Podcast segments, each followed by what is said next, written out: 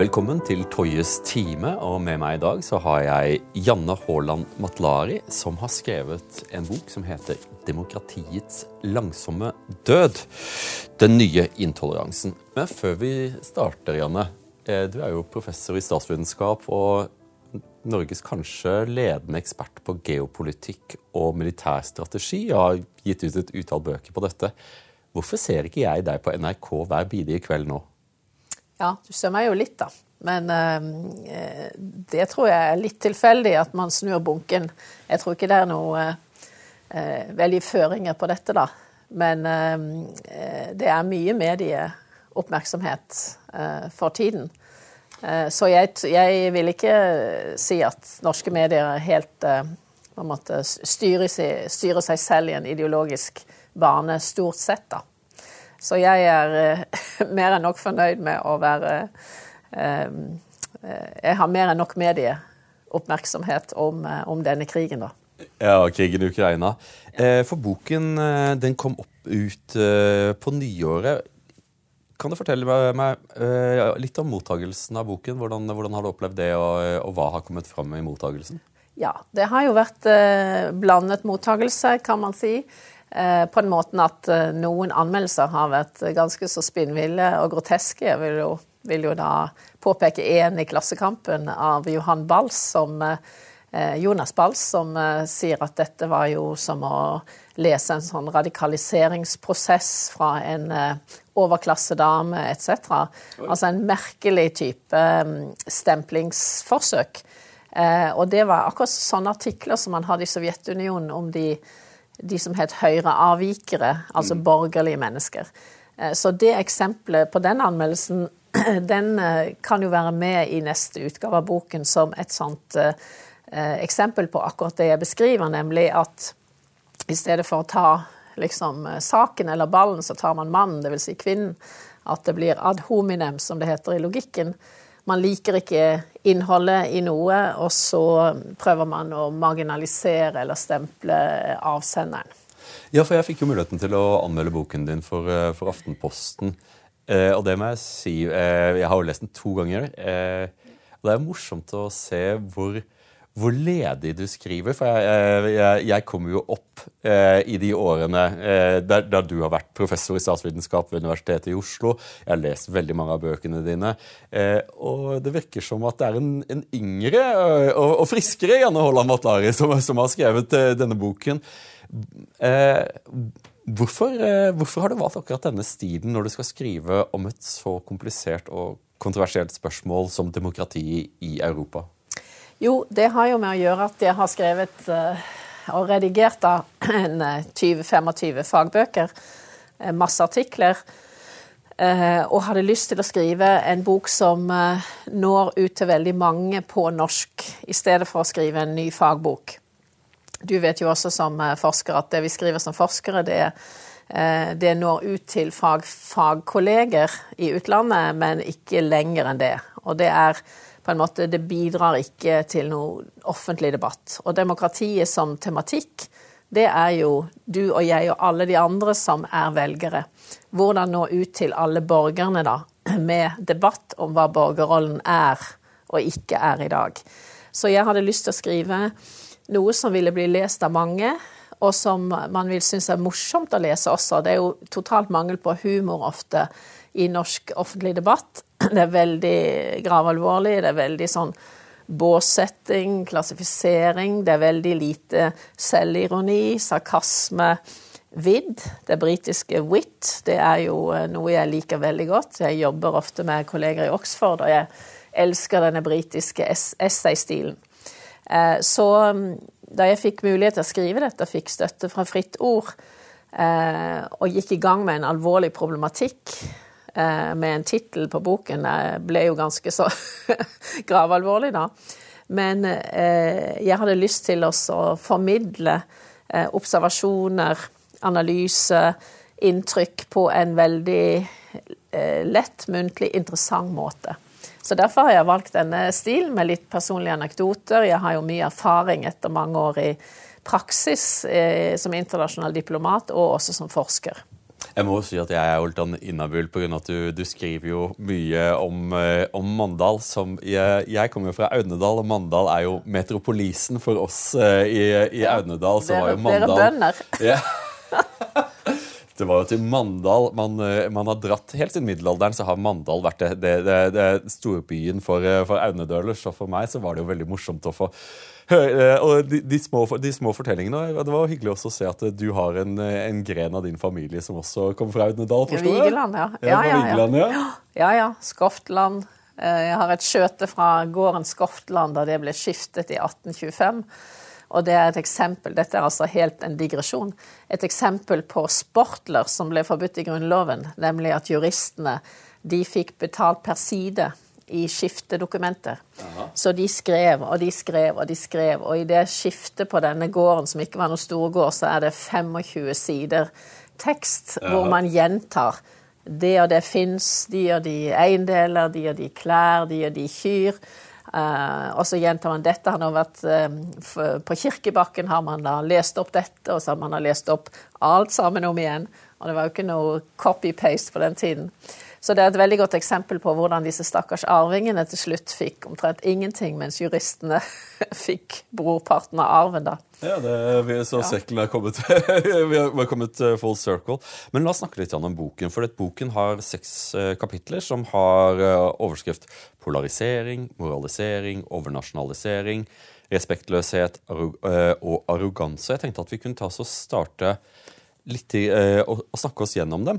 Eh, ja, jeg kan jo bare si at dit eh, sant, de, tre, de der eh, kapitteltekstene, de tre første, er jo om problemer i demokratiet. At uh, nasjonalt demokrati bestemmer for lite, altså overnasjonalisering. Um, nasjonal uh, debatt i vestlige demokratier er blitt mer og mer polarisert. Mm.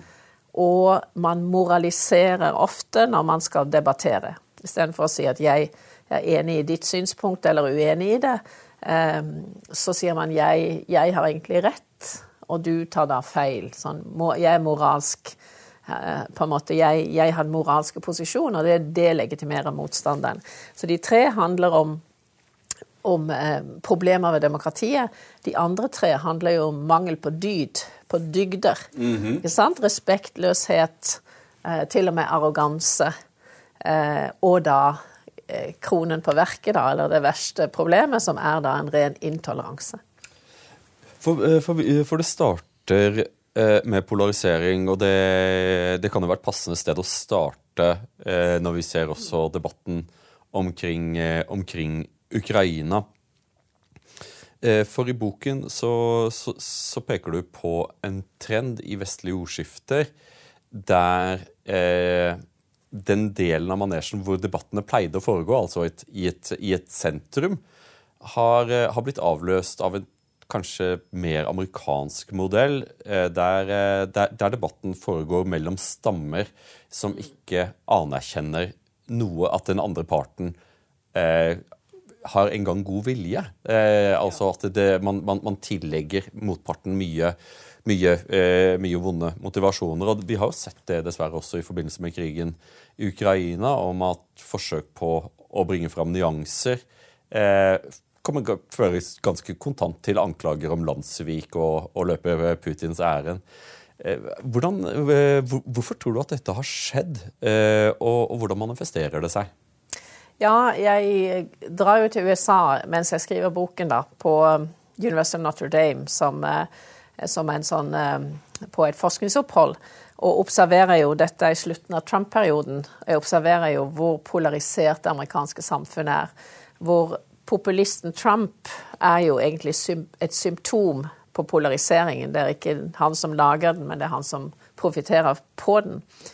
Eh, og dette har jo begynt på venstresiden i Det demokratiske parti lenge før med en sånn identitetspolitisk utvikling og så får man en, eh, en, reaksjon på det republikanske siden, sånn at man graver seg inn på en måte på ytterkantene.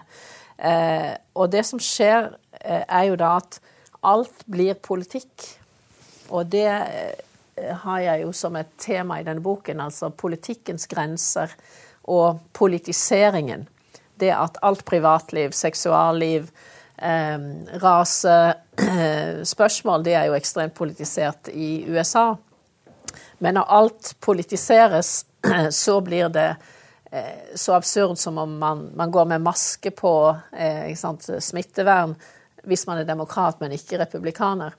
Så denne politiseringen observerte jeg jo også da eh, tydelig i riksrettssaken mot Trump, hvor de liberale mediene som var mer faktabasert enn Fox, mm. og Fox var ekstremt uh, partisan, mm. så var likevel de liberale mainstream-mediene veldig uh, over i en slags uh, politisk analyse, da. Politisk prosess. ikke bare en reportasje om dette. Og det, så det, det, det ikke sant, de øker de, They feed on them on each other mm -hmm. i politiseringen. Eh, og dette har jo dypest sett med manglende felles normer og verdier å gjøre. Det vi kaller the nation, eller det nasjonale fellesskap, mm. forutsetter jo at vi er enige om spillereglene, at vi er enige om grunnverdiene, at vi har noe felles som samfunn som transcenderer da politiske ideologier og, og forskjelligheter. Eh, og Jim Mattis, eh, som vanligvis ikke skriver noe om politikk, da, generalen, ja. Han skrev i The Atlantic eh, allerede i 2019 eh, om dette eh, og var bekymret for at det som er det felles, som er the nation, det som enhver soldat skal tjene med livet som innsats, at det ikke lenger finnes. Har vi ikke noe felles? Og det ser vi jo at dette fortsetter som en sånn kvern i amerikansk samfunnsliv. At liksom alt problematiseres fra et dekoloniseringsperspektiv. Ehm, at uh, alle liksom founding fathers de var altså problematiske på så, så mange måter at det er ingenting felles. 1619-prosjektet, som er en sånn reskriving av historien, omskriving eller endring av historien, skrivningen, mm. er jo et eksempel på det. Så det, det ligger en type relativisme i bånden her som jeg prøver å komme til livs. At hva er det som er felles Vi må ha et felles Det må finnes et felles objektivt, akseptabelt menneskesyn. Det må være noen felles normer eh, for et demokrati. Ellers så blir det en reduksjon til at makten bestemmer. Men hva vil du da si til de som som tenker at eh, bare vi blir kvitt eh, disse hersens konservative, så, vil, eh, så, så, vil, freden senke seg igjen. At det, at, at det er eh, at det er høyresiden som er problemet. For det er jo det som, eh, som man ofte ser i analyser i mediene, at, det, er, at det er høyresiden som driver på med dette. Og at, venstresiden på en eller annen måte eh, kun, kun, svarer i et forsvar av det som er godt? Ja, altså det er jo igjen eh, to sumper, på en måte. At du har Altså, Yasha Munch, som jeg, som jeg, finner veldig interessant i den analysen Han har skrevet denne The People versus Democracy, heter hans bok. den handler om de to problemene. Det ene er The People versus Democracy, på en måte populismen at du får politikere som sier jeg, jeg representerer alle dere frustrerte velgere som føler avmakt. Jeg tar saken. Jeg representerer folket. Jeg på en måte politiserer alt eh, som populist. Altså det blir på en måte typisk at eh, checks and balances, eh, rettsstatsprinsipper, maktfordeling blir uh, politisert vekk, da. Da har vi jo Orban er, er et eksempel på det på mange vis. Trump var jo også et eksempel på det. Så liksom populisten som eh, symptom på frustrerte velgere, det ene problemet. Men det andre problemet som Munch eh, påpeker, og som jeg eh, bruker, eh, som jeg skriver om i denne boken Det har vært skrevet mye om populisme, så det går jeg ikke inn i. Men den andre problemstillingen hans er jo da den nasjonale avmakten som en demokratisk borger med rette føler ved at mer og mer politikk bestemmes av internasjonale normer, regimer, organisasjoner. Altså overnasjonaliseringen. Og den er jo ikke bare formell, for det er lite formell overnasjonalitet, men den er også eh, den er i mye større grad at interessegrupper tar en eller annen internasjonal norm, formulering, uttalelse fra et uh, diffust Altså et FN-dokument med diffus uh, standing, altså som ikke er vedtatt. Det er ikke en vedtatt overnasjonal politikk, men en konklusjon fra en FN-konferanse, eller f.eks. Marrakech-dokumentet uh, om migrasjon, mm. som er enormt langt som jeg skriver. Ingen som ikke har søvnproblemer, vil orke å lese det. Mm. Eh, hvor du kan finne formuleringer for det ene og det andre standpunktet. For det er jo kompromisser, og det er jo masse pressgrupper og forskjellige typer land som er med i sånne konferanser, så mm. du, får, du, får, et sånt potpurri. Eh, og poenget er da at man kan ta litt av det og ta med hjem til sitt nasjonale politiske system og si at FN sier at, eller FN mener det og det. Og det har jo vanlige mennesker veldig liten mulighet for å vurdere. Og heldigvis så ikke de, sitter ikke de og, og, informerer seg om alle disse tingene. Så her er et genuint problem. Og Munch sier dette er et problem med at ting blir løftet inn i jussen, altså inn til domstoler. Politiske spørsmål blir juridifisert, mm. noe som maktutredningen påpekte her Eh, i Norge. Ja, Det er maktutredningen til, eh, som til Øyvind Østerud som kom ja. ut i 2003. Så det er et kjent liksom, problematikk. Og så er det også et eh, at sånne quango, sånne kvasi kvasipolitiske kvasi organisasjoner, direktorater osv., gir mer og mer detaljerte reguleringer, retningslinjer for politikkområder. Og for oss i Norge er det jo spesielt EØS-avtalen som da representerer da null innflytelse inn, men et vel av et, et, skred, kan man si, av detaljpolitikk hjem. Men er ikke dette fornuftsstridig at, eh, at uh, La oss da si, og jeg tror at du har rett, i at, at det politiske rommet Eh, på samme tid skrenkes inn, og samtidig så utvides kamp, eh, eh, kampsonen. Så alt er politisk, men det politikken, den nasjonale politikken har innflytelse over, blir stadig mindre. Er, ligger det ikke et paradoks i dette? Jo, det gjør jo det. Og det, jeg tenkte lenge da jeg Jeg hadde ikke noe oppskrift på hva jeg finner i denne boken. Jeg var bare veldig fascinert av og bekymret over denne polariseringen og politiseringen og så tenkte jeg at hvorfor er disse politiske kampene så voldsomme? Hvorfor er de så svart-hvitt? Det er en sånn type manikeisme, som de gamle grekerne kalte det.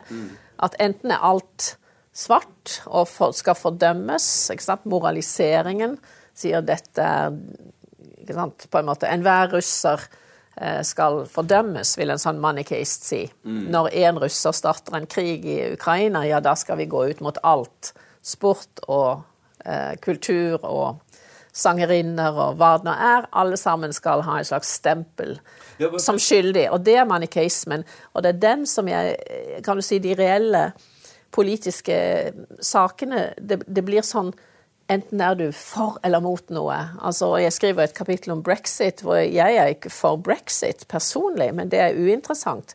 Det interessante er da at liksom den liberale kan man si, Alle som var for EU, de liksom sa ja, disse dumme brexit-velgerne. Mm. I stedet for å si ja, men det er jo veldig gode grunner til å være for brexit også. Mm. Nyanser. For, for, for, dette er jo verdt å nevne. Eh, så som Du og jeg har jo jobbet med disse tingene en, en del, og, og krigen til, over Ukraina er jo, en, er jo ny i den forstand at responsen fra Vesten har vært langt mer la oss si, bredspektret enn det vi har gjort det tidligere, så, så under Cuba-krisen. USA og Sovjetunionen handlet jo sammen under Cuba-krisen. USA importerte korn fra, fra, eh, fra, fra Sovjetunionen. Man anså at, eh, at, det at man hadde en, lå på randen av krig eh, eh, gjorde ikke at man skulle bryte alle bånd. Snarere så, så, beskyttet man de båndene man hadde, og de kontaktlinjene man hadde. Mens i denne krigen så har tendensen vært at, som du påpekte, at det er ikke nok å isolere den russiske staten. Man skal også skjære av alle bånd til universiteter, ballett eh, Man skal sanksjonere russere. Hvis du skulle støte på noen, så skal du, så skal du vise din avsky. Eh, er, det, er, dette et utslag av denne trenden som du, som du kaller den nye intoleransen? Ja, jeg tror jo Jeg hadde jo ikke tenkt på det hvis det kom denne krigen da jeg skrev manuset, men, um, men det er jo den samme noe av den samme voldsomme svart-hvitt-reaksjonen. At eh, Ikke sant Strat, Man er jo Alle blir jo eh, ekstremt opprørt over en krig som er ulovlig. Det er en aggresjonskrig. Eh, det er eh, bombing av sivile, og nå er det henrettelser av sivile. Eh, sånn at det er jo I dette tilfellet er det jo all grunn til å være rasende og moralsk outraged. Absolutt. Vi vil jo ikke være normale mennesker om vi ikke var det. Samtidig så du kan si ja, vi har 150% moral outrage.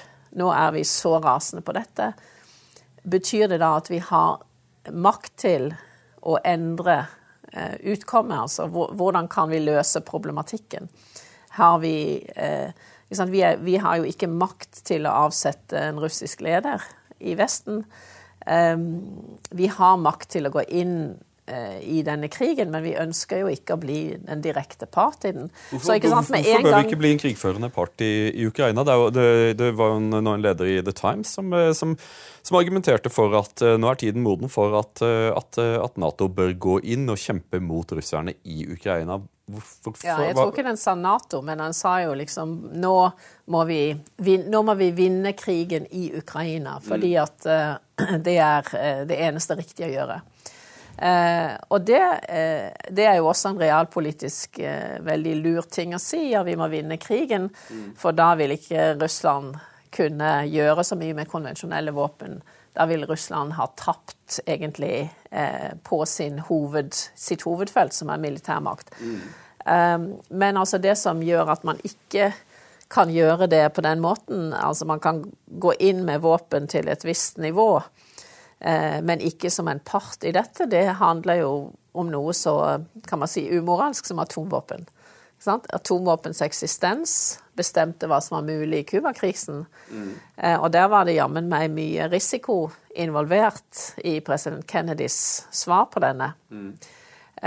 Det bestemte hva som var mulig i 1956 og 1968 eh, med russernes konvensjonelle krigføring i Ungarn i 56. I 56 og Praha i 68, ja. ja. Da var det jo veldig klart at USA kom ikke til å gå inn på ungarsk side, selv om den moralske eh, kan du si, det, Moralen ville diktert å gjøre nettopp det. Mm. Eh, på grunn av faren for en, en atomkrig. Men er, er vi mindre redd for en atomkrig nå?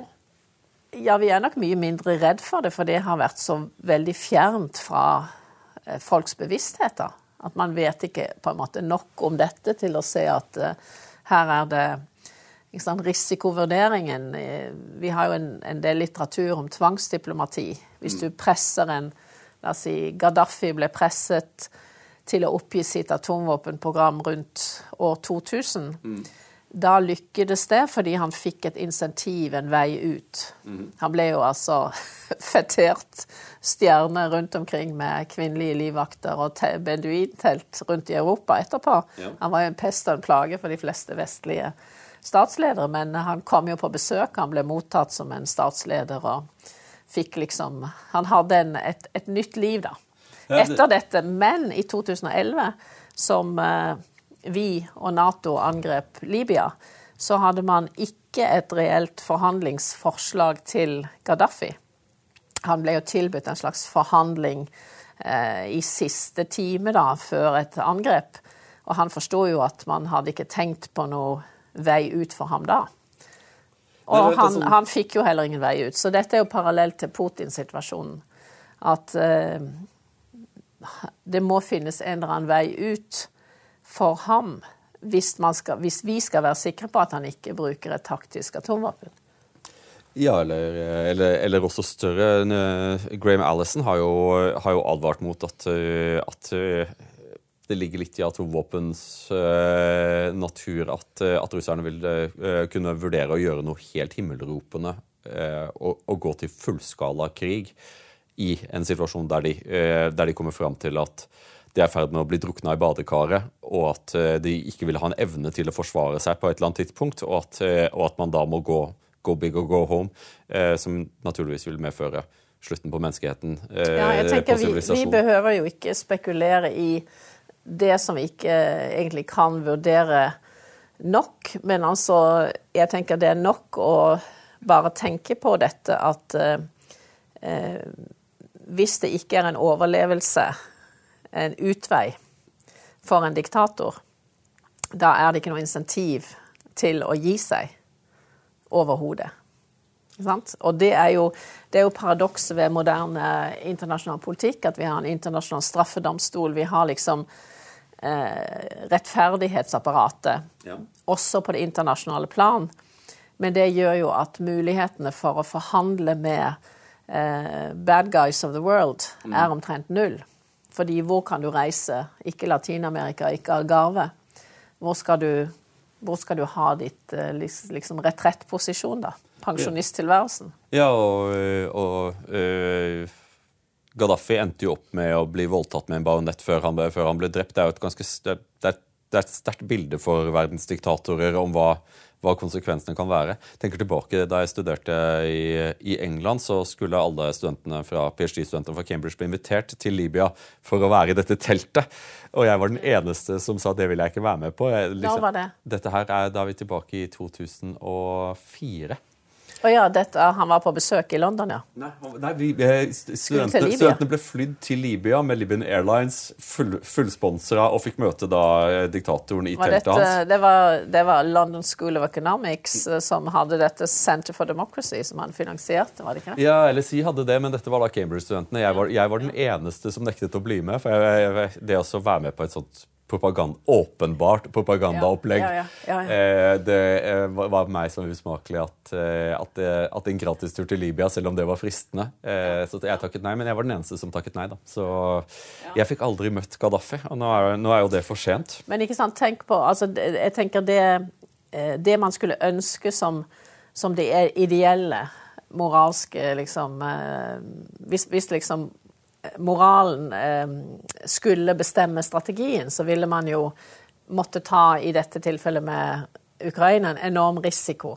Så jeg mener den, eh, Det som er politikk som det muliges kunst, betyr jo da nyans og nyansering av det moralske imperativ, på en måte, mm. ut ifra hva som er realistisk mulig. Og det blir jo da eh, i dette tilfellet å finne en, en øvre grense for bistand, våpenhjelp og annet til Ukraina. Og så blir det jo eh, et eller annet politisk etterspill. Altså, dette er jo en liksom, Politikkens kunst er å vurdere det ønskelige mot det mulige. da. Jeg liker, jeg liker, tanken, men, men, finnes det noe, noe, balansepunkt mellom moralisme og realisme? Jeg, trodde, jeg ville jo tro at, at, de to er hverandres antiteser. og det er jo, Vi må også være ærlige om at eh, den skolen som vi begge bekjenner oss til innenfor internasjonal politikk, altså realisme, den eldste skolen, eh, den som ja, Jeg vil ikke bruke ordet 'bekjenne', for ikke sant? Eh, dette er ikke religion.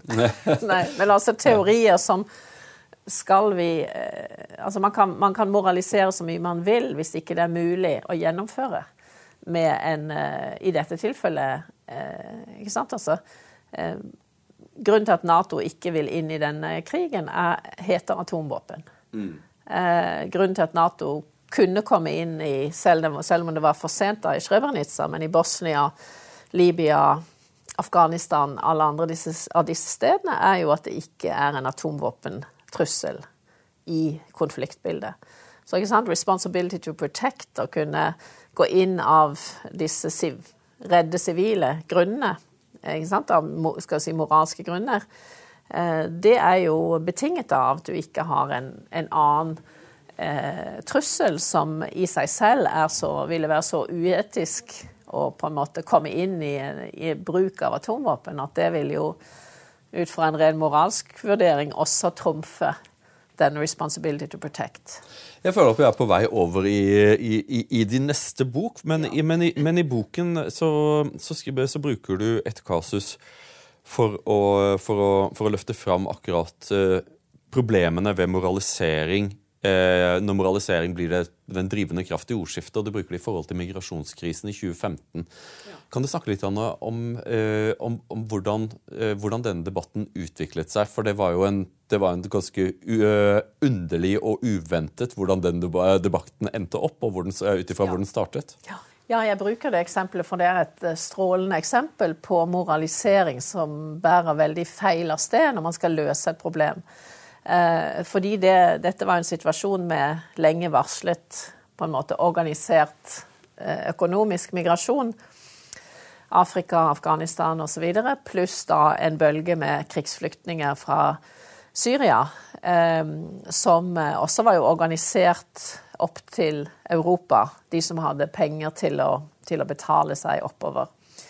Eh, og dette ble jo da et sjokk for europeiske politikere, og det var jo ingen grensekontroll, slik at det ble jo helt ukontrollerte flyktningveier da. Og veldig fort et slags svarteperspill. Og da var jo liksom Den norske kirke og pave Frans, som, eh, som jeg, jeg, kjenner jo godt til hans standpunkter som katolikk, det ble liksom Ja, det moralske er å åpne grensene. Men hvis man da begynner å analysere hva det innebærer, eh, så vil man jo lett se at moral ikke eh, er noe ensbetydende her. ikke sant? Betyr det at flyktninger med mindre økonomiske midler de trenger jo mer å kunne komme til et land som Norge. Mm. Men de hadde jo ikke sjansen. Så du har liksom en Det ble en veldig sånn Hvis man begynte å analysere realitetene i dette spørsmålet, hvor f.eks. dette med migrasjon må skilles helt fra det å være flyktning. For migrasjon er et nasjonalt anliggende eh, som har med om du trenger arbeidskraft i et land å gjøre. Hvis man begynner å gå i detaljer, så er dette uhyre komplisert, vanskelig spørsmål. Men det ble veldig sånn Er du mot åpne grenser, eller er du, er du mot migrasjon? Liksom. Eh, det ble en ubehagelig type debatt å stå i, fordi at eh, du ble liksom Hvis du sa Jeg hadde vært på et kirkeakademi hvor eh, det var debatten om 50 fra Moira-leiren eller ei. Var det for mye eller for lite? Mm. Og så spurte en av deltakerne ja, syns du det er for få med 50? For det var liksom, det var debatten i Norge. Mm. Og da sa jeg ja, det, jo, eh, det spiller jo ingen rolle 50, du må ha 5 millioner, eller helst 50 millioner, hvis du skal løse problemet. Og det ble jo da eh, ikke noe godt mottatt, for det var jo ikke liksom noe du kunne være fornøyd med moralsk sett, fordi det var umulig realpolitisk. Og det som har skjedd, er jo da at eh, liksom den som sa at vi må være rause og åpne grensen osv., inntok den moralske posisjonen. Og da ble jo en som var kritisk til det, ville jo da havne i den amoralske eller umoralske posisjonen. Og logikken i dette er jo som Hegel. ikke sant? Jeg er herre, da er du ved definisjon en tjener. For du kan ikke være herre uten en tjener. Så det er en, en eh, eh på en måte implisitt eh, plassering av en motstander, i stedet for å si at ja, dette er veldig, veldig vanskelig, kanskje uløselig problem. Hvordan kan vi eh, hva, kan vi, hva bør vi gjøre, hva er mulig, osv. Men hvorfor, det, har, hvorfor, hvorfor, hvorfor, har den type sindighet som du taler for, altså da med en, en, en, en relativt kaldhjertet avveiing av interesser og behov, og hva som er mulig og hva som er tenkelig, hvorfor det blitt ble det devaluert til de grader i forhold til, til migrasjonskrisen? For, for, for, det var jo en debatt som var litt annerledes enn debatter før. For det var jo ikke bare slik at, at det, moralis, eh, det, det, moralske standpunkt vant. Det var jo også slik at andre standpunkter ble jo aktivt demonisert. Eh, hvor, hvor, hvorfor har dette skjedd i Vesten? For dette er jo noe som vi, som vi ser på veldig mange felt. om at mm at det er ikke nok å, å, vinne debatten. Man skal skyve motparten ut av debatten. Da er ja. seieren. Når, ja, ja. Når, når, ingen andre sier imot, da har vi vunnet. Ja, fordi det er jo dette som jeg prøver å komme til i denne boken, som er det på en måte det som er så, så dypt problematisk. Det er jo at man ønsker jo Veldig mange ønsker jo ikke nyanser. Man ønsker ikke motsatte synspunkter eller reell debatt. Eh, med den, altså, ideen om debatt er jo at man får bedre løsninger ved debatt. Eh, og ideen ved debatt er jo at i et demokrati er det permanente uenigheter mm. om de vanskeligste ting. Og det er jo det toleransen handler om. Eh, abort, f.eks. For, for og mot eh, er like legitime standpunkter i en Om man er helt uenig, kanskje permanent, men likevel så er det hva et demokrati er. Ja, for du er, At du er ganske, har. du er Men jeg skal bare si, ja. ferdig med den der eh, migrasjonen eh, Det som skjer når du ikke analyserer politikk ut fra det muliges kunst, er jo da at fakta eh, presenterer seg og bestemmer på en måte sluttresultatet.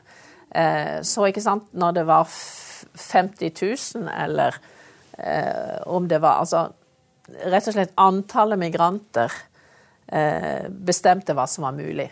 Så ikke sant, eh, ideen om at alle skal møte en åpen grense, den begrenser seg, unnskyld uttrykket, eh, helt automatisk når det kommer for mange.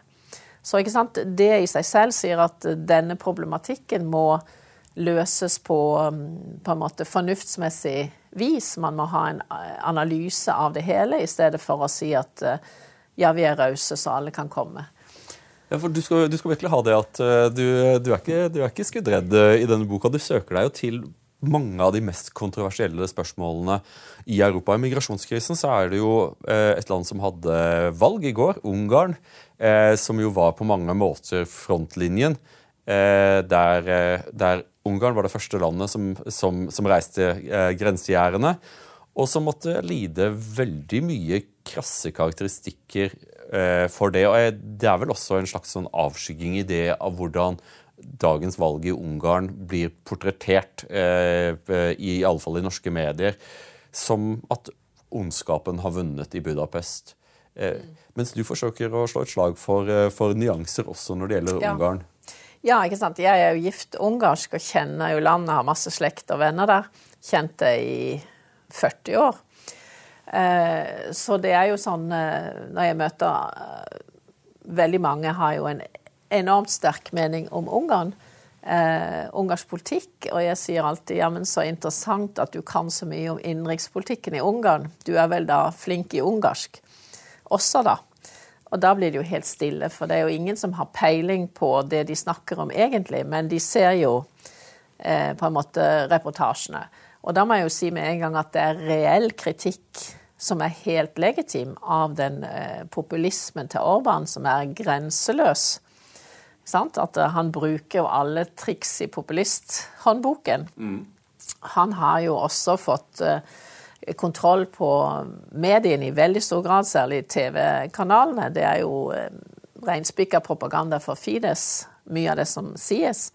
Eh, og han har også eh, ytterligere svekket et allerede svakt domstolssystem. For det er jo det postkommunistiske Da betød jo domstolene ingenting. Det var bare sandpåstrøing av partiets synspunkter. Og denne svake rollen til Altså, det er ikke, det er ikke riktig checks and balance i disse postkommunistiske landene enda. Mm. Så det har vært et enkelt spill. Men så er det jo også det å påpeke at uh, ungarerne er uh, De har jo sosiale medier, de har andre medier. De er uh, ekstremt frimodige. De gir jo blanke FN i det politisk korrekte. De kritiserer jo Altså, det er ingen som krangler så høylytt på en måte om politikk som uh, folk i den regionen. Altså, det er ingen som er forsiktig med sine uttalelser. Så det er jo en veldig sånn uh, det er jo ingen som går sånn og er, altså, De sier akkurat hva de mener om Orban, og det er jo helt fritt å gjøre det. Så jeg vil jo si at denne eh, Igjen, det er noen nyanser som er viktige.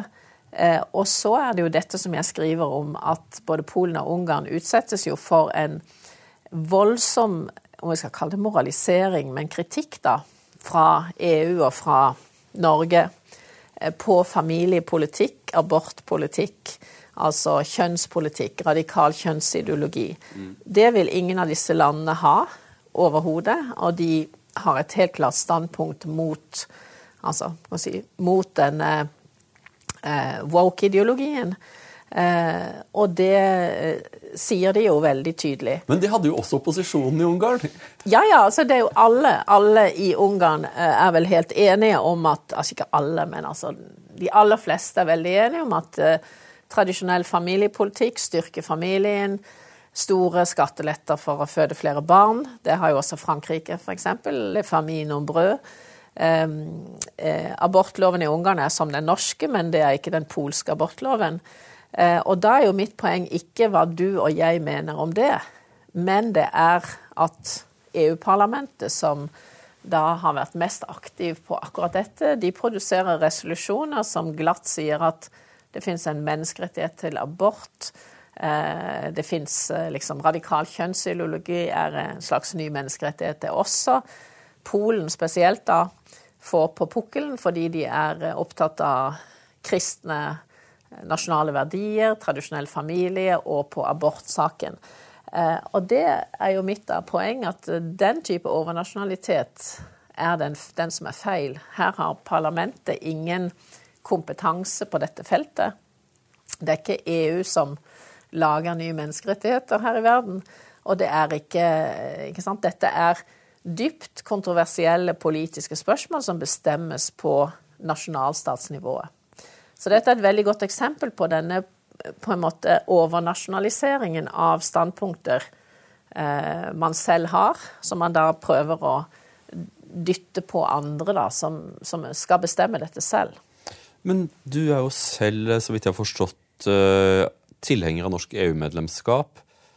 Og samtidig så påpeker du eh, et, eh, et, problem ved, ved, ved, ved, overnasjonalitet. At den innskrenker, innskrenker rommet for, for, politikken på nasjonal, på nasjonal, plan, samtidig som at den også innskrenker rommet for, eh, for nasjonal ulikhet. Eh, da jeg, var, da jeg vokste ja. opp, så ville det ikke vært noen overraskelse at ungarere gjorde ting annerledes enn svensker, for de har en mm. annen historie. Ja, ja. Eh, det, er, det, er, et annet land. Mens, mens det, det, er det ikke noe særlig rom for lenger i EU. Eh, det, slagordet til EU er jo 'forent i mangfold', men det, er, det mangfoldet synes å være, være en, et, et, svært begrenset mangfold som strekker seg fra hele veien fra venstreliberal til høyreliberal, og så stopper det der. Ja, altså, jeg husker jo godt Johannes Paulus, eh, paven.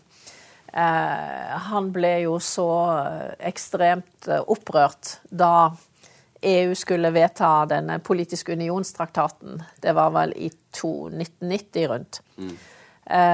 For da ville man ikke nevne de kristne røttene i Europas sivilisasjon og politikk. da. Kristendommens betydning fra antikken frem til, til kan man si, i dag. Eh, så det kristne skulle ikke være med. Og det har jo eh, Så det er noen sånne blind spots her som er veldig tydelige. Fordi at eh, enhver idéhistoriker vil jo si at vi har antikkens menneskesyn. Platon Aristoteles, mennesket er et rasjonelt, sosialt dyr. Son politikon, som kan resonnere om etikk. Mennesket er da ikke bare noen stammemedlemmer som eh, går ut fra en sånn stammejustis, men kan tenke selv og, og, bestemme selv. Og det er jo demokratiets vugge, selv om antikken ikke vil ha demokrati, men aristokrati. Mm. Og så får du eh, hele utviklingen av borgeren i Romerriket, og den kristne, kristne menneskesyn bygger direkte på det antikke, gresk-romersk. Så kommer det kristne med caritas, med altså den selvutgivende kjærlighet som evne som menneskets nobleste dyd, da, som bygger på de menneskelige dyder. Og dette inspirerer jo likhetstanken i demokratiets utvikling, at vi har samme verdighet. Selv om vi er fattige, selv om vi er syke, selv om vi er svake. I Norges historie er jo dette veldig tydelig med rundt årtusen, med kong Olav den hellige, som innfører kristenretten. Eh, og vi ser det i alle andre land. Ungarn har tusen års kristendom. Den samme på en måte menneskesynet blir foredlet gjennom kan man si, den kristne lære i tillegg til den antikke.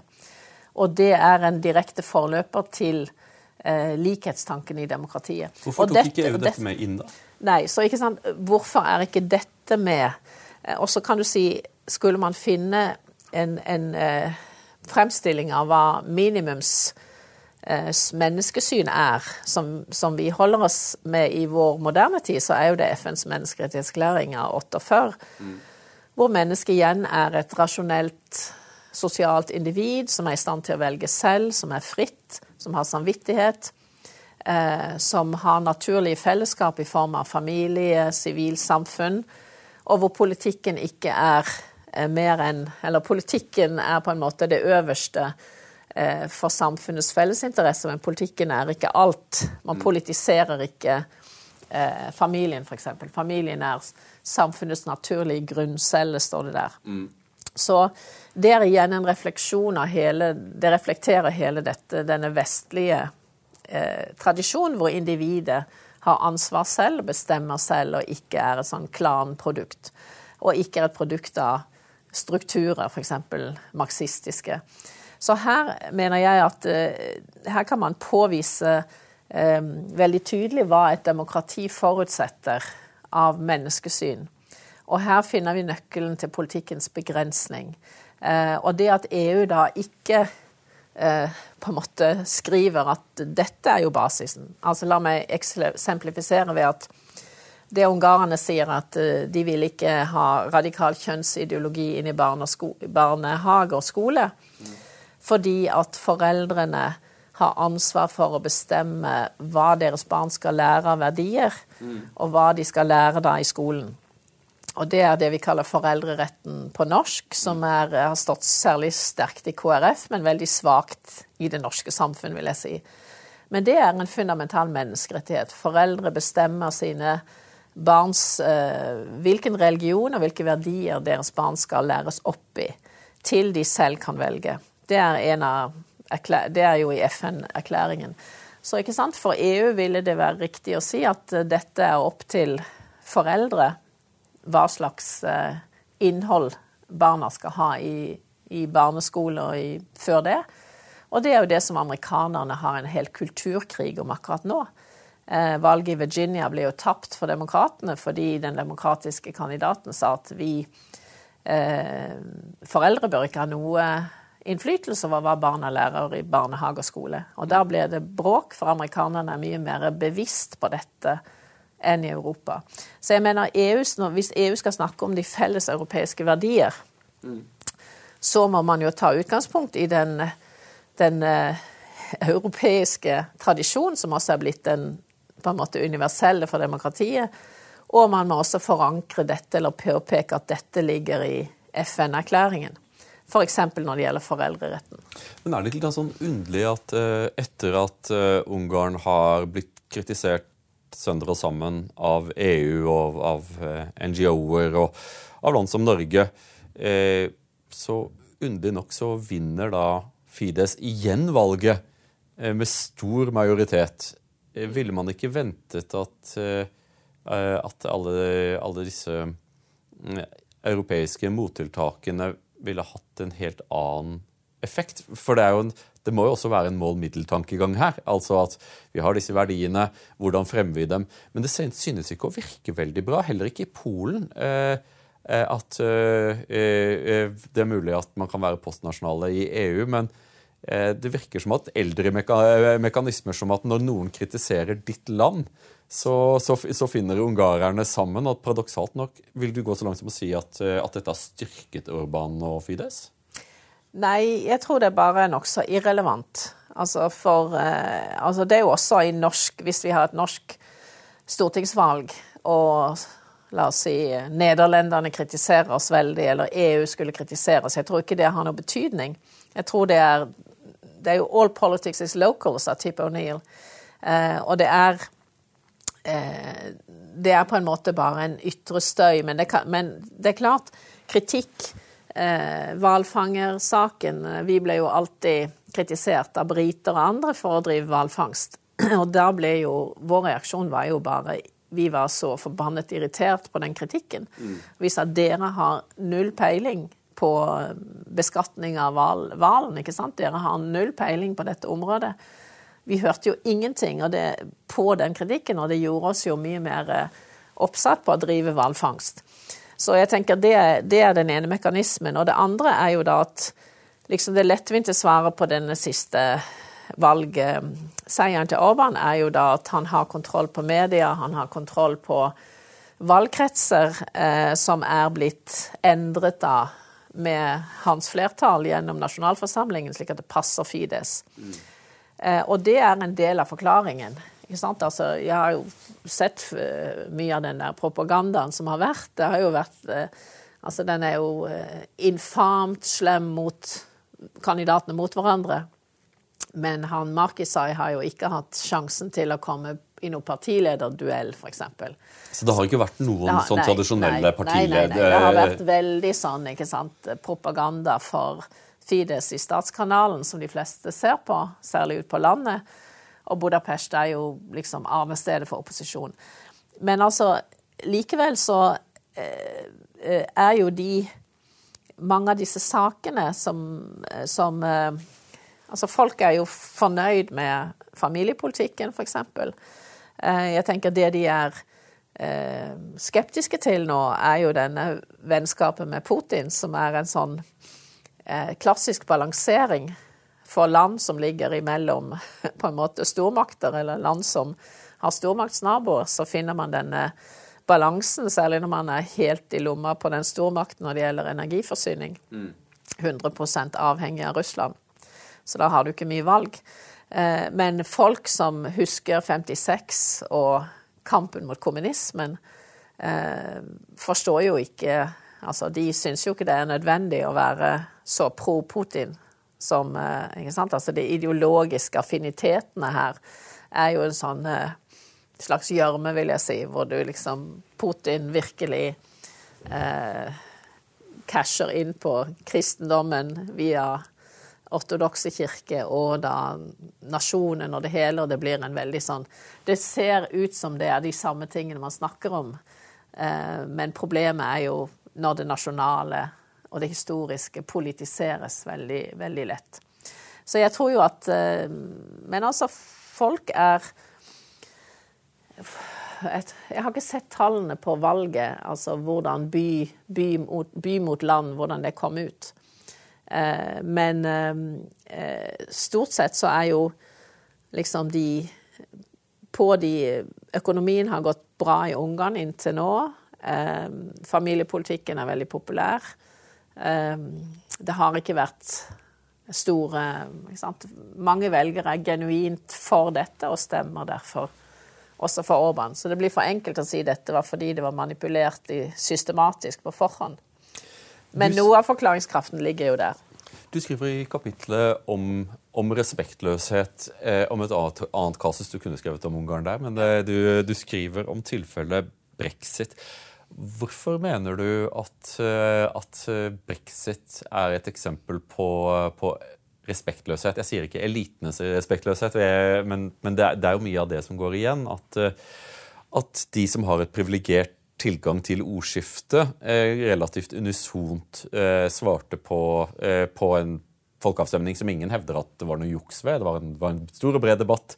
Eh, største oppslutning i noe valg i britisk historie. Og Så teller man stemmene, og så viser det seg at det ble 52-48, eh, og at, eh, at britene valgte å forlate EU. Og så tok det ganske kort tid før The Guardian kan annonsere at rasistene har vunnet.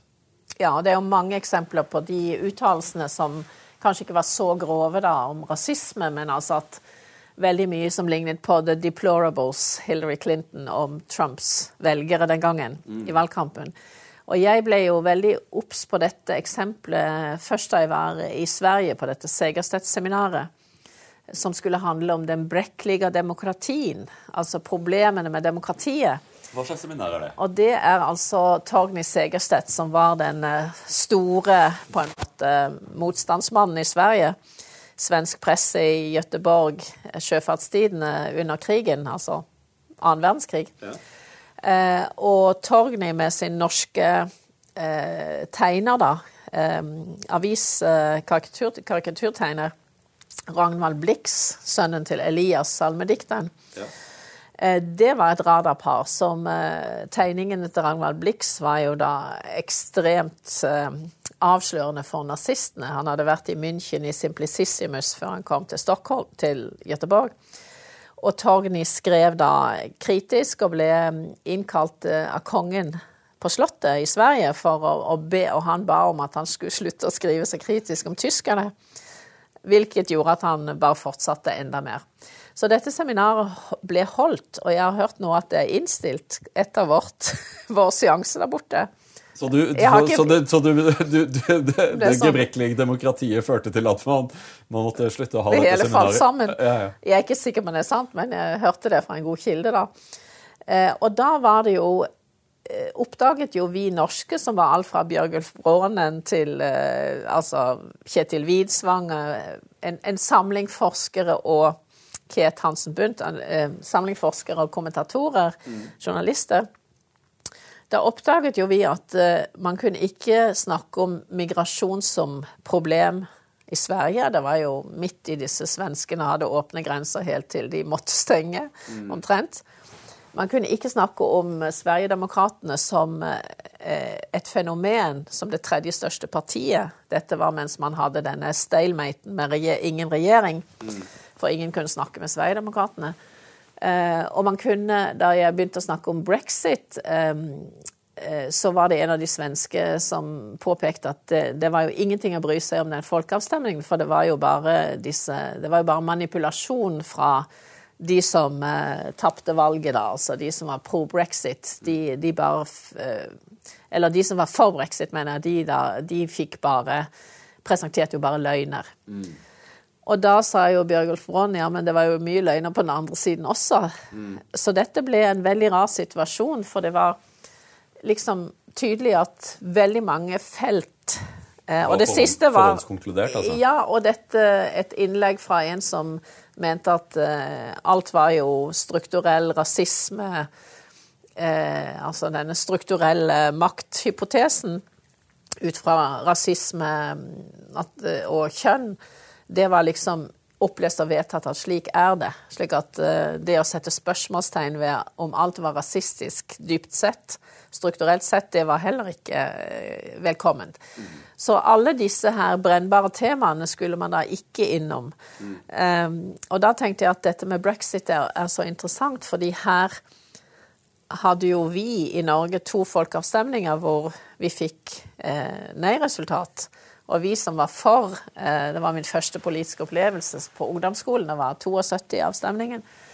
Vi var jo veldig vondbråtne da, men vi godtok jo helt klart at uh, dette var et legitimt resultat. Mm. Men slik var det jo ikke med brexit-avstemningen. Da var det jo omkamp. Det var kommentarer liksom om at dette var jo en slags arbeidsulykke. Uh, det var altså det at man, man godtok ikke et motsatt resultat av det man selv ønsket, som demokratisk legitimt. Men, denne gangen. Men, men Storbritannia er jo litt annerledes mange andre land pga. at eh, folkeavstemninger mot EU har jo en tendens til å finne sted til folk har svart riktig, eh, gitt riktig svar. Altså, ja. eh, og i Norge så svarte man på ja eller nei til EU-medlemskap, og så eh, fikk man nei, og så meldte man Norge inn i EU i alt unntatt i navnet. Norge er jo eh, dypere integrert i EU enn en, en, en, en flere medlemsland. Ja. Eh, og dette ble da presentert som et alternativ i Storbritannia. Altså the, the, the Norwegian option, som de kalte det. Eh, ja. Og det er sånn interessant å se at uh, i The Mother of Parliament, altså da det, det, det er vel det, det, eldste sammenhengende demokratiet vi har i Europa. Ja så var det plutselig Man hadde debatten, men det var også en forståelse om at nei, det går ikke. Det går ikke, eh, det, det kan vi ikke mm. gjøre. Og det er jo britene ja. til, kan man si, til ære at de ikke ville ha den løsningen. Mm. Uh, og jeg syns at det interessante for meg var jo også å se på alle disse uh, Altså alle omkampene og alle uh, uenighet Altså all den der negative, på en måte Det var omkamp i parlamentet. The speaker Uh, Berso, han var jo liksom veldig partisk. Ja. Uh, noe som er ganske spesielt. Og det var omkamp om uh, liksom reglene hele tiden. Og det var selvfølgelig kamp med EU-kommisjonen, men også den var jo preget av veldig mye sinne, manglende aksept for at man hadde den situasjonen man hadde. Så det sier noe, syns jeg, til sammen så sier det veldig mye faktisk om vår manglende evne til å akseptere utfall av politiske prosesser som vi ikke er enig i. Altså at uh, i stedet for å si OK, uh, ja, dere briter skal ut, let's make the best of it. Eh, for det er en win-win for EU og Storbritannia at man finner et godt modus vivendi. I stedet ble det liksom sleivspark og masse, masse på en måte unødvendige omkamper om alt. Men dette er også et sånt tegn i tiden. Jeg står selv i en sånn veldig vanskelig posisjon nå pga. at da, da Trump valgte å ikke anerkjenne det amerikanske valget uten å ha noen som helst bevis for valgjuks, så, så, så sa jeg på TV at, eh, at det finnes ingen plass for Trump pga. at dette er et av premissene for at du skal kunne delta i politikken, er at du må kunne erkjenne nederlag. Ellers, ellers er det ingen plass for deg. Eh, eller, vi skal ha brede rammer, men der går grensen. Og jeg ble jo veldig nedstemt når jeg nå så at Nancy Pelosi er ute og, og, sier at det kommer til å være Hvis de taper i the midterms dette året, så er det et resultat av valgjuks. Og de kommer til å tape i the midterms. Sa hun det? Det har ikke jeg sett. Hun, hun advarte mot at, eh, at valglover eh, med, eh, var en form for juks, og at dette og altså da forskutterer at deres nederlag ikke er legitimt. Mm -hmm. Som jo er ødeleggende. Og det er jo veldig trist å se at at man ikke er enige om spillereglene lenger for hvordan eh, hvor, hvor, hva er, hva, hvor, hvordan, kan jeg, hvordan, kan denne parten tape på en leg, legitim måte? Mm, mm. Og jeg vil gjerne komme til, til, til, den delen av boken som jeg syns var mest interessant. Og det er jo det som, eh, som, ja. som ingen vil høre om, om dygder. Ja. Eh, og om, eh, om, om, veien ut av dette. Du, eh, hva er løsningen? Hvordan kommer vi oss ut av denne, denne nedadgående spiralen der det ender opp med at vi ender opp i, i, i stammer som ikke anerkjenner andre, de andres perspektiver som, som legitime eller, eller, gode, og hvor vi stadig økende grad sliter med å akseptere valgresultater eh, der vi ikke vinner. Ja, dette har jo med det vi kan kalle dannelse å gjøre. Og det er ikke dannelse i T-selskap i møblerte hjem, selv om det også er viktig, men det er dannelse av karakter, av mennesket, av borgeren. Og Det er derfor jeg snakker så mye om den demokratiske borger her. fordi hvis du er borger i et land, så er du altså ansvarlig for det landets politikk, for at samfunnskontrakten virker, fordi du gir din makt, du delegerer din makt til noen som agerer på vegne av deg, dine politikere. Men det er du som er ansvarlig for kvaliteten på ditt uh, samfunn, da. Mm. Og på politikken. Så den demokratiske borger er noe helt annet enn en undersått som gir blaffen. Og jeg siterer jo noen uh, statsvitere som har skrevet om det de kaller stealth democracy. At mange Eh, borgere i dag foretrekker å ikke gjøre den jobben og ikke ha det ansvaret. De vil gjerne at elitene, som de kaller det kanskje, eller ekspertene, at andre styrer på vegne av seg. Og det er jo liksom slutten på demokratiet, hvis man godtar det. Men hvis man vil styre selv og si har jeg delegert denne makten til utlandet eller til deg? Eh, er jeg fornøyd med deg som politiker? Eh, jeg vil forandre på det og det, altså denne bevisstheten som vi bør ha som ansvarlige borgere, så må vi også danne borgerne. Og det heter jo civic virtue på engelsk. Altså civis er jo eh, det politiske samfunn. Eh, og eh, virtue, det er dygd eller dyd på norsk. Og det er jo sånt ord som ingen nesten kjenner lenger. Eh, jeg holder foredrag for næringslivet noen ganger, og så sier jeg er det noen virile menn i forsamlingen her? Og da blir det veldig stille, da.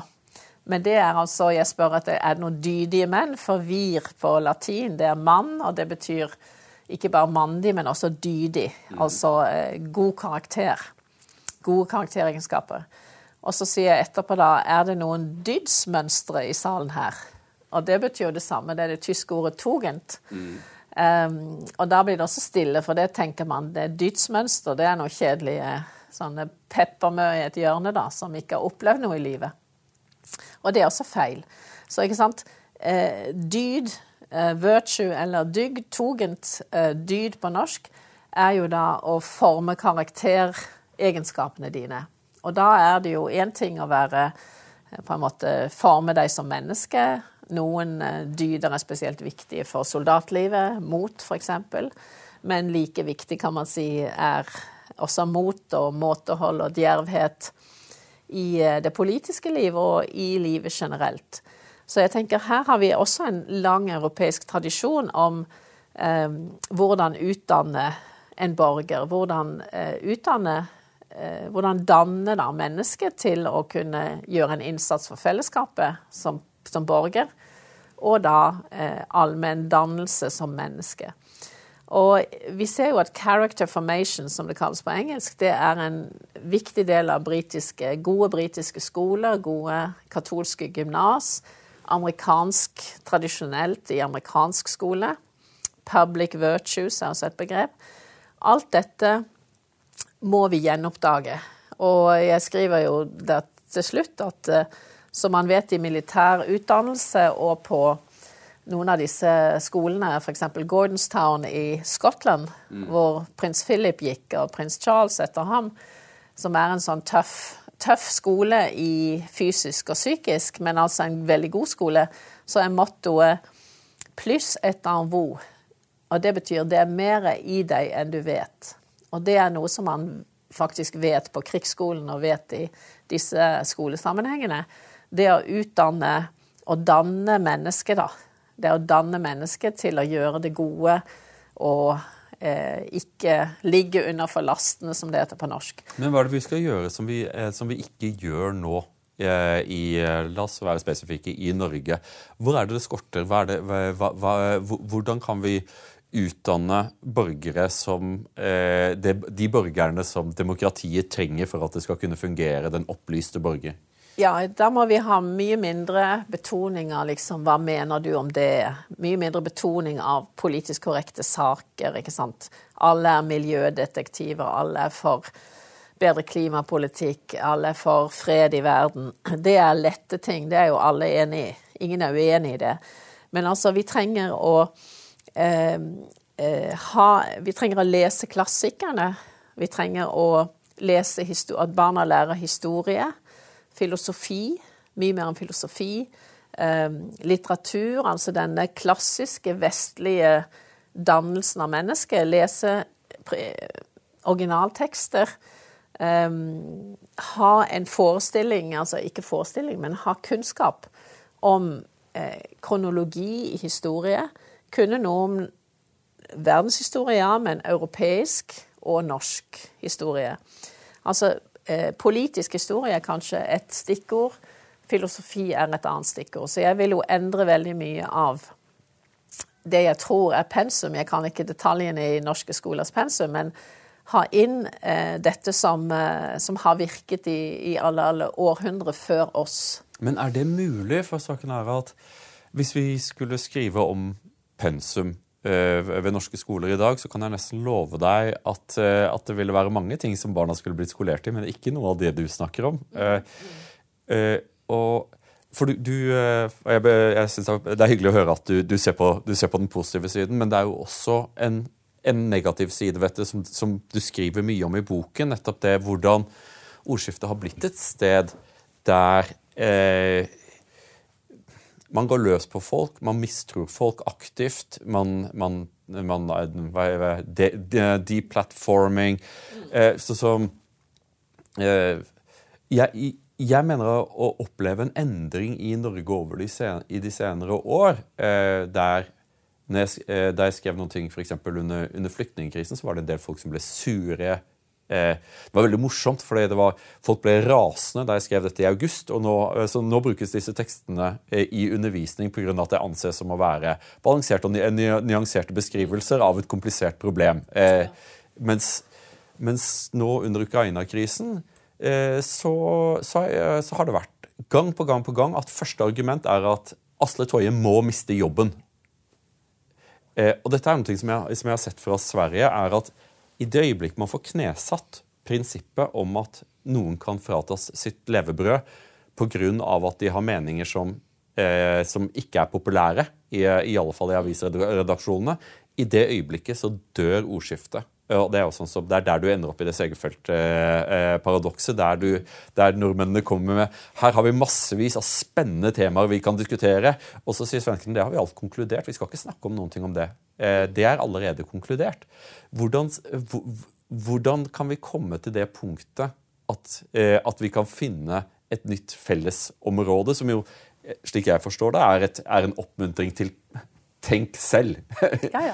Eh, ikke, ikke, noe, ikke noen. Ja, vær kritisk. Ikke, eh, jeg skal ikke fortelle deg hva du skal mene, men Mm. forsøk å være informert på den, eh, på den måten du kommer fram til ditt standpunkt. Men det er jo svært vanskelig der vi står nå, pga.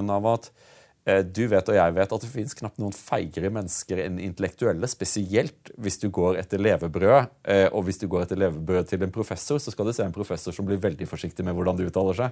Ja, ikke alltid, men eh, det er jo veldig mye. Nei, men altså, det slår meg at eh, jeg gikk på college i USA, og det aller nyttigste kurset jeg hadde, det het eh, Introduction to Logic.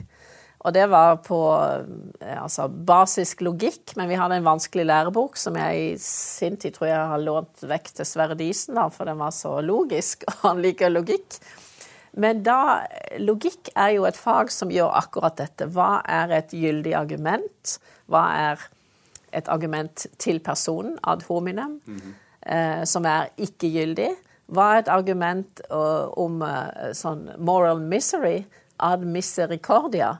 Ja, jeg er fattig innvandrer, så ikke sant, jeg har ikke ansvar for noe, eller altså appellere til ens misery. Det er heller ikke gyldig.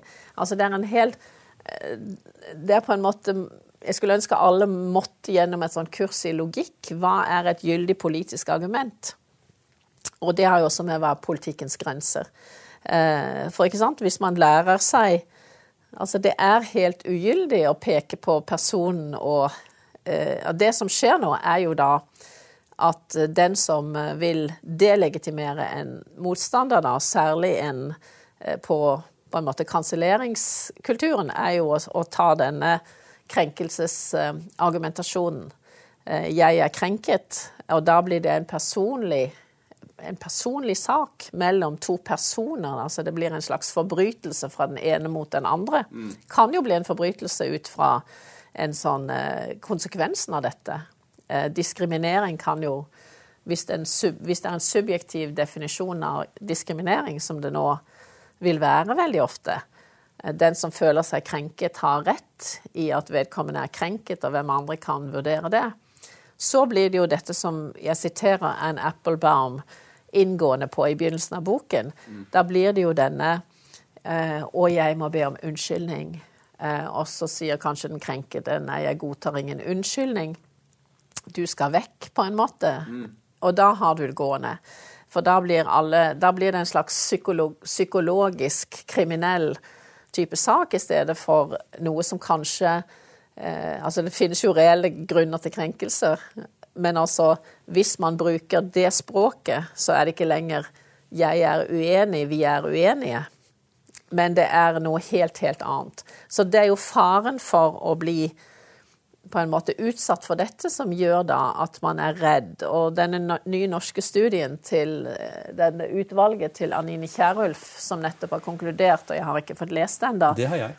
ja, og den sier jo at selvsensur resulterer ut fra denne type fryktkultur. Og det er det Ann Applebaum sier minner Dette minner akkurat om kommunismen på 30-tallet i Sovjetunionen, og senere, da, i den kalde krigen, at du ble eh, At du kunne bare si det som var i denne trange åsiktskorridoren til partiet. Og hvis du gikk utenfor det, så kunne du risikere stilling, omdømme etc. Ja, nei, det, det, det, det, er jo, det er en flott rapport og veldig mye interessant her. Det er litt sånn paradoksalt at en rapport som tar høyde for å eh, snakke om faren ved selvsensur og, og fordelene ved et, eh, et fritt akademisk ordskifte, eh, har en egen, har en egen eh, seksjon der man snakker om den samfunnsskadelige populismen som man da assosierer med FrPs slagord 'folk flest'. Ja, men nå er jo altså folk flest, vanlige folk Yasha Monk sier 'populist protest is also a democratic protest'. Ja, Men dette defineres som samfunnsskadelig, eh, som da synes å skape et, eh, et underlig paradoks. Men, eh, men jeg, det jeg ikke kan forstå, er at eh, den norske befolkning har aldri vært høyere utdannet enn det den er nå. Vi har sannsynligvis, jeg tror at vi har, sammen med Spania, den høyeste andelen universitetsutdannede i nordvestlige land, eh, nær 50% hvordan kan du si at mer utdannelse er løsningen når dette har skjedd i takt med at, at, at graden av høyere utdanning har økt og økt og økt i samfunnet, og hit har vi kommet eh, hvor problemene som du beskriver i, i demokratiets langsomme død eh, er, det, er, du åpen for tanken om at, eh, at utdannelse kanskje kan være en del av problemet her? Ja, så Det kommer jo helt an på hva du lærer, da. Det er jo, dannelse er jo avledet av ut... Eller dannelse er vel stammen på basisen for ordet utdannelse. Mm. Bildung på tysk, formation på fransk, um, formation på engelsk. Å forme noe, det er å forme karakteren. Og det var jo eh, Det var jo utgangspunktet for å lese, la oss si, eh, klassiske tekster. Altså det er jo at jeg kan lære noe av Julius Cæsar, jeg kan lære noe av Thomas Aquinas, eller hvem, hvem det nå er av disse eh, på en måte klassiske tekstene i vår sivilisasjon. Det er ikke bare å registrere at de skrev da og da, og de er på en måte utdaterte. Nei, det var at premissen var jo at vi har en felles, konstant menneskelig natur som kan defineres. Og hvis det ikke hvis, hvis, ikke det er basisen for the curriculum, for utdannelsesinnholdet, mm. at vi kan lære noe av både historie og av filosofi og av klassisk litteratur fordi de snakker om deg og meg og våre eksistensielle valg og hva som er riktig og galt. Hvis ikke det er premissen lenger, så er det jo på en måte eh, Da har man jo Snakker man om et helt annet innhold i skolen, da. Altså da er det jo Jeg vet ikke hva slags innhold. Det var noen som kalte det fremtidsstudier. Men altså, jeg, mener jo at den eh, Det finnes reelle grunner til at et klassisk eh, curriculum eh, er, er, det riktige og det viktige. Eh, og jeg tror norsk skole er langt, langt vekk fra det. Andre landsskoler er mye mer eh, i denne tradisjonen. Eh, og det er jo da ikke et spørsmål om hvor mye utdannelse og hvor mange år, men det er jo om hva du lærer. Er det noe meningsfylt i det du lærer, da? Eller er det liksom at du lærer å mene noe om forskjellige ting? Men altså, har du noe karakterbygging som eh, grunn, grunnbasisen for det, det, det du lærer, da, på skolen? Ja, fordi eh, Jonathan Haidt eh, påpeker jo eh, i eh, eh den, den, britiske, nei, den amerikanske psykologiprofessoren fra NYU påpeker jo en, en underlig utvikling ved amerikanske universiteter der de konservative forsvinner. Det er nesten ingen konservative igjen. Spesielt innenfor vårt fagfelt, samfunnsvitenskap og humaniora. En gang i tiden så var de konservative en, minoritet, ja vel, rundt 12-15 mens nå så det, skal du være god hvis du klarer å, dri, å oppdrive konservative eh, professorer i det hele tatt. Du er eh, en bekjennende konservativ, er du ikke det? Jeg er en verdikonservativ person, ja. ja det har jeg vært i ja, alle år. Ja. Eh, du, du, liker ikke bekjennende? Eh. Nei, jeg bekjenner meg jo bare i kirken, da. det, det, det, Nei, men altså, jeg, jeg vil jo eh, men, men for spørsmålet er eh, La oss si at man tok Eh, la meg si da at, eh, at, eh, at Bare for, for, for, for, å ta dette videre. La oss si at, at, du har rett, at det er et skille mellom at høyere utdannelse, eller utdannelse som et sted der man setter folk i stand til å reflektere kritisk på egen hånd omkring kompliserte spørsmål, og gir dem verktøyene til dette, kontra det å gi opplæring i de rådende fordommene i samfunnet. Eh, la oss si at det er en to, to uh, Spørsmålet er da i, ved norske universiteter i dag Hvordan tror du at et sånt prosjekt ville, ville gå dersom man ga et slikt mandat til universitetet, all den tid det nesten ikke finnes konservative ved universitetet? Det er en, eh, jeg har ikke vært imponert over meningsmangfoldet ved norske universiteter. Eh, det, det, det virker på meg som eh, som overalt ellers i samfunnet, om at hvis du har divergerende oppfatning, så gjør du klokt i bare å holde den, holde den inne, eh, og så eh, å være med på den, den, reisen som legges opp. Jeg vil jo si at i mitt fag Jeg har aldri følt det som noe problem eller diskriminering av noe slag, men altså statsvitenskap på mitt område statsvitenskap er jo veldig eh, internasjonal politikk det er veldig preget av eh, på en måte det, verden slik den er. Mm. Det er ikke en sosiologisering inn i noe spesielle norske på å si, fjorder og fjell. Det er veldig Det er nødt til å relatere seg til til eh, stormaktspolitikk og til maktens, eh, maktens eh, irrganger, da. Eh, men jeg så jo denne siste undersøkelsen om hva stemmer samfunnsvitere og humanister, altså humanist, de som studerer humaniora, mm. eller lærer humaniora og, og samfunnsvitenskap. Og det var jo for meg jeg må si, ganske overraskende at det var Rødt, MDG og SV som var definisjonen på venstre, da, altså langt til venstre. Mm. Og det var 54% av lærerkreftene. Hvorfor var du overrasket over det? Det overrasker meg ikke et øyeblikk. Uh, jo, men altså Jeg tenkte det var mye mer mainstream. Jeg har aldri forestilt meg at det var så dominant, da. Altså det er over 50 mm. um, Men jeg tenker at fag som er veletablerte, de Altså juss en konservativ profesjonsstudium. Eh, medisin Altså det er på en måte Det er jo en veldig solid kontinuitet også i universitetsverdenen. Eh, men altså, problemet oppstår jo eh, det Hvis det blir vanskelig å, å fremme eller å, å, sette ting på agendaen som er eh, som er da Som blir politisert. Igjen, altså politiseringen er jo problemet. Eh, altså man kan ha eh, man skal jo ha mye pluralisme i et fagfelt, og det er det, normale for et universitet, og det ønskelige. Men det skal ikke være på en måte formet i en, en politisk retning. Og der er det jo eh, Altså en pluralisme i typer av universiteter har vi jo i USA. Mm. At du har, eh, du har alt fra jesuittiske til eh, Altså du har på en måte veldig mye du, du, Som du velger skoler for dine barn, så kan du velge et universitet som er betoner det ene eller det annet, men fremdeles har denne profesjonelle, faglige på en måte tilbudet, da. Mm. Altså hvis du er litt raddis, så drar du til Berkeley. Eh, vil du ha det tradisjonelt katolsk, drar du kanskje til Notre Dame eller Fordham. Mm. Catholic University.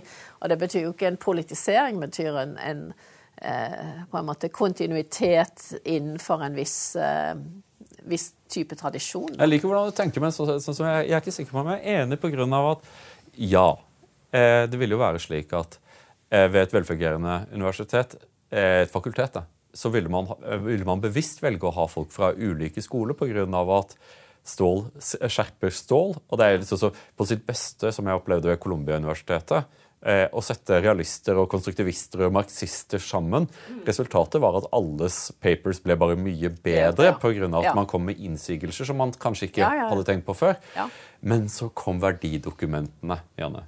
Eh, altså at man, at man kom med strategier og verdier, verdier som ofte eh, synes å være veldig vanskelig å være mot når de først kommer. Alt vi, alt vi gjør, skal, skal, skal, være til fordel for klimaet. Vi tolererer ikke intoleranse. Eh, men dette appliseres jo veldig fort. Men dette fort. betyr jo ingenting. Altså Disse visjon og misjon altså sier, Hvis du har en visjon, bør du gå til psykiateren. Altså Det er jo på en måte eh, Jeg tenker dette er veldig mye sånn byråkrater på universiteter som kaller seg strateger, som skal lage sånne dokumenter. Altså, Universitetet i Oslo har vel på forsiden, når du slår opp på weben, så står det man skal bli, gjøre verden bedre, eller noe slikt. Vi skal forme, utdanne studenter til å lage en bedre verden. Og jeg tenker ja, dette er jo så banalt. Det er ufryktelig banalt og helt unødvendig. For vi skal eh, utdanne dem eh, til å bli gode profesjonsutøvere, gode analytikere. Eh, og det, er det vi, vi, skal ikke peke dem i noen politisk retning. Og den bedre verden. Jeg mener, vis meg den som er imot en bedre verden, da. Mm. Så det, det, tenker jeg det er mer banalt enn en på en måte farlig politisering av noe som helst. Så, det, så du, du, du, ser ingen fare ved, ved inntoget av, eh, av, av, jo, der, av verdidokumenter? Der jeg reagerer, er jo hvis man får sånne kriterier. Jeg, tenker, jeg husker et møte i Forskningsrådet hvor eh, om sikkerhetspolitisk forskning, hvor et av spørsmålene som ble stilt, var liksom kvinnelige eh, Ikke forskere, men kvinnelige på en måte Kvinners betydning for krig og fred. da. At skulle At det måtte man hake av og si noe om. At dette var veldig vesentlig. Og det var en klar politisering. For? Det er veldig få kvinnelige generaler og strateger opp gjennom historien, selv om vi nå er mange kvinner som jobber med sikkerhetspolitikk. Gjennom en naturlig kan du si, evolusjon av, av faglig interesse. Så var, da sa jeg at her, dette er helt irrelevant for det faglige, det spørsmålet. Så det er en type sånn eh, Det man kaller mainstreaming. Og det er jo veldig utbredt i sånne forsknings... Eh, når du søker forskningspenger, så skal du helst ha noe kvinnelig representasjon i. Så der får du mangfoldstenkningen eh, som i, på en måte, i, i utgangspunktet kan være uskyldig og velment, men som lett blir en sånn tvangstrøye. Jeg snakket med en forsker i går som hadde fått avslag på, fra Forskningsrådet på, på, en søknad. og I begrunnelsen for avslaget så, så, så sto det at Eh, at man hadde referert til kvinner og menn, og at dette vitnet om en ganske intolerant og, og lite reflektert syn på kjønn. Ja, det er jo en klar polis, det er jo bare en politisering som er veldig veldig tydelig. ikke sant? Det er jo Ja, Men tror du, men det, det, men, men for, det, er fortsatt avslått? Ja, men det er jo helt, det er jo helt uakseptabelt. Eh, ja, men det skjedde jo allikevel. Det er mange ja, ting som er uakseptabelt som skjer ja, i denne verden. Ja, men altså, det er jo der hvor problemet med hele denne type eh, Man skal kalle det mangfoldsideologi eller eh, cancel culture er liksom det ekstreme utslaget av det. Men altså det som er my mye mer problematisk i hverdagen, er jo disse små på en måte eh, kriterier for ditt, kriterier for datt. At du har, at du har med det og det og det, altså en slags politiske kriterier for en virksomhet som er upolitisk. Vi har det jo i, i eh, amerikanske forsvaret er det jo nå en sånn liksom Du skal ha consciousness racing og mm. den type ting. Og det er jo noe som kommer i små drypp og administreres eh, av eh, en rekke byråkrater som, eh, sant, som blir da krav til deg som ansatt et sted. Jeg leste i Forsvarets ja. forum i dag fra oberstløytnant eh, Lena Kvarving. Kjønnsperspektiv. Vi skal ha et kjønnsperspektiv på alt vi gjør. Og hun er del av et eh, Nordic Center for Gender in Military Operations. Det ser ut som at dette her eh... Det finnes jo i det norske forsvaret, og det er på en måte uskyldig noe av det, fordi det er liksom Selvsagt skal man eh, eh på en måte være bevisst på kjønnsdimensjonen kan spille en rolle osv. Men eh, når det blir en slags eh, eh, på en måte et politisk program som blir mer en tvangstrøye for profesjonen, så er det jo problematisk. Så her er det jo eh, Altså det ligger jo Dette med gender har vi jo holdt på med veldig lenge i, i uh, altså Det finnes jo som et eget felt på Forsvarets stabsskole, hvor jeg har en professor to-stilling. Mm. Eh, og det er på en måte Problemet med det er jo mangelen på definisjon av hva dette konkret betyr. Så det å være bevisst på kjønnsdimen... At eh, likestilling, vil jeg si, er jo den, den, gode delen av dette. At man blir bevisst på likestilling. Eh, bevisst på uh, virkelig uh, at man kan ha dele samme profesjon, men ha forskjellig kjønn, og det skal ikke spille en rolle. Det er likestilling vil jeg si. Men hvis det blir at verden forstås forskjellig fra forskjellige kjønn, kjønn og kanskje mange kjønn, ikke bare de to, eh, og man skal eh, på en måte endre det man gjør profesjonelt ut fra dette, så blir det jo en helt sånn ugjennomtrengelig type prosess, da. Som eh, Altså, det jeg mener å si, er at den militære profesjonen er definerbar hva den innebærer. Og det å være en profesjonsutøver skal ikke ha noe med ditt kjønn å gjøre. Eh, du skal som kvinne kunne være fullt ut offiser eller soldat. Eh, og det skal være en likestilling. Så hvis det er det man mener med kjønnsperspektivet, så er det utmerket. Men hvis man mener en masse andre ting som er mer eller mindre, eller i stor grad udefinerte, så blir det problematisk ofte. Hvordan kan man hindre at det går i den retningen? Ja, altså det er jo Man må jo operasjonalisere, definere hva som menes med dette. ikke sant? Hvis du sier gender mainstreaming, ha et kjønnsperspektiv på alt, ja, hva konkret eh, er det, da? Mm. Det får vi jo aldri noe svar på. Nei, og så er det jo, i min erfaring så er det jo det at det er jo ofte de konservative som kommer med den type innvendinger. Men hvis det ikke er noen konservative til stede Jeg snakket med dekan for, eh, for, eh, for samfunnsvitenskap ved Universitetet i Göteborg, som jo er et ganske spesielt sted, der, der alt, all samfunnsvitenskap måtte være gender. Og hvor man da endte opp med å skrive magisteroppgaver om lagring av atomavfall i et genusperspektiv. Og så spurte jeg hvordan, men hvordan kunne du tillate at dette kunne skje ved statsvitenskap? Ja. Og så sier han ja, men de var jo så sinte. Eh, og det at eh, man da fikk knesatt et overordnet perspektiv om at alt vi gjør ved Universitetet i Gøteborg, skal ha et genusperspektiv. Og så tenkte man, så tenkte, tenkte man nok at ja, ja, det er noe ufarlig. Men det var ikke ufarlig. Eh, Pga. at man startet da klappjakt på de som ikke hadde et genusperspektiv. Ja, ja. Det er nettopp det. Eh, og så får man da anticipated reaction om at folk blir så redde for disse genuskrigerne at man begynner å, å drive med, med veldig ja. dårlig forskning. Eh, for man skal, jo også ha, man skal jo også ha mat på bordet. Eh, spørsmålet er er det, ikke, er det ikke naivt å og, jeg, og jeg, jeg, forstår det, og, jeg, og, og, mitt hjerte trekkes jo mot, din, eh, mot, mot ditt argument om at det er dygden. Det er det, det er det, som holder demokratiet i live. Eh, fordi demokratiet Vi vet jo ikke hva Så er det jo likhets, ikke sant? likhetsnormen som følger av bl.a. den kristne menneskesyn. Mm. er jo, ikke sant, Romerne hadde jo Og grekerne hadde jo ikke noe likhet eh, kvinner og menn. Slaver, ikke slaver. Det var jo borgere som var menn som hadde eiendom. Mm. Og eh, det kristne er jo radikalt, for det sier jo at eh, alle er like, selv Lasarus der nede. ikke sant? Han, han er lik, og du, du, du, må liksom vende helt opp ned på menneskesyn, da. Mm. Så jeg tenker at det er jo det som, som er våpenet i møte med denne type Skal man si reintroduksjon av stammetenkning. At ditt kjønn eller ditt genus bestemmer deg, er så avgjørende. Din hudfarge, pigmentering eller etnisitet er det avgjørende ved deg. Det er jo, det er jo argumentet fra disse gruppene. Fra denne identitetspolitikken. At den identiteten, ikke din borgeridentitet som lik alle andre.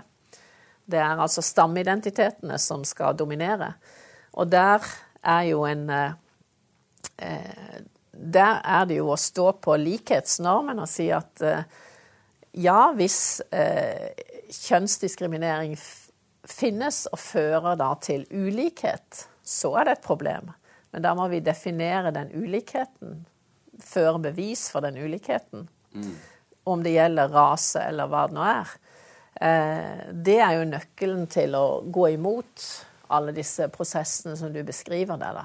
Ikke sant? Altså, eh, hvis du skal argumentere for et genusperspektiv eh, som skal inn i la oss si, forskning, så må du definere konkret hva det er for noe, og hvorfor det er relevant.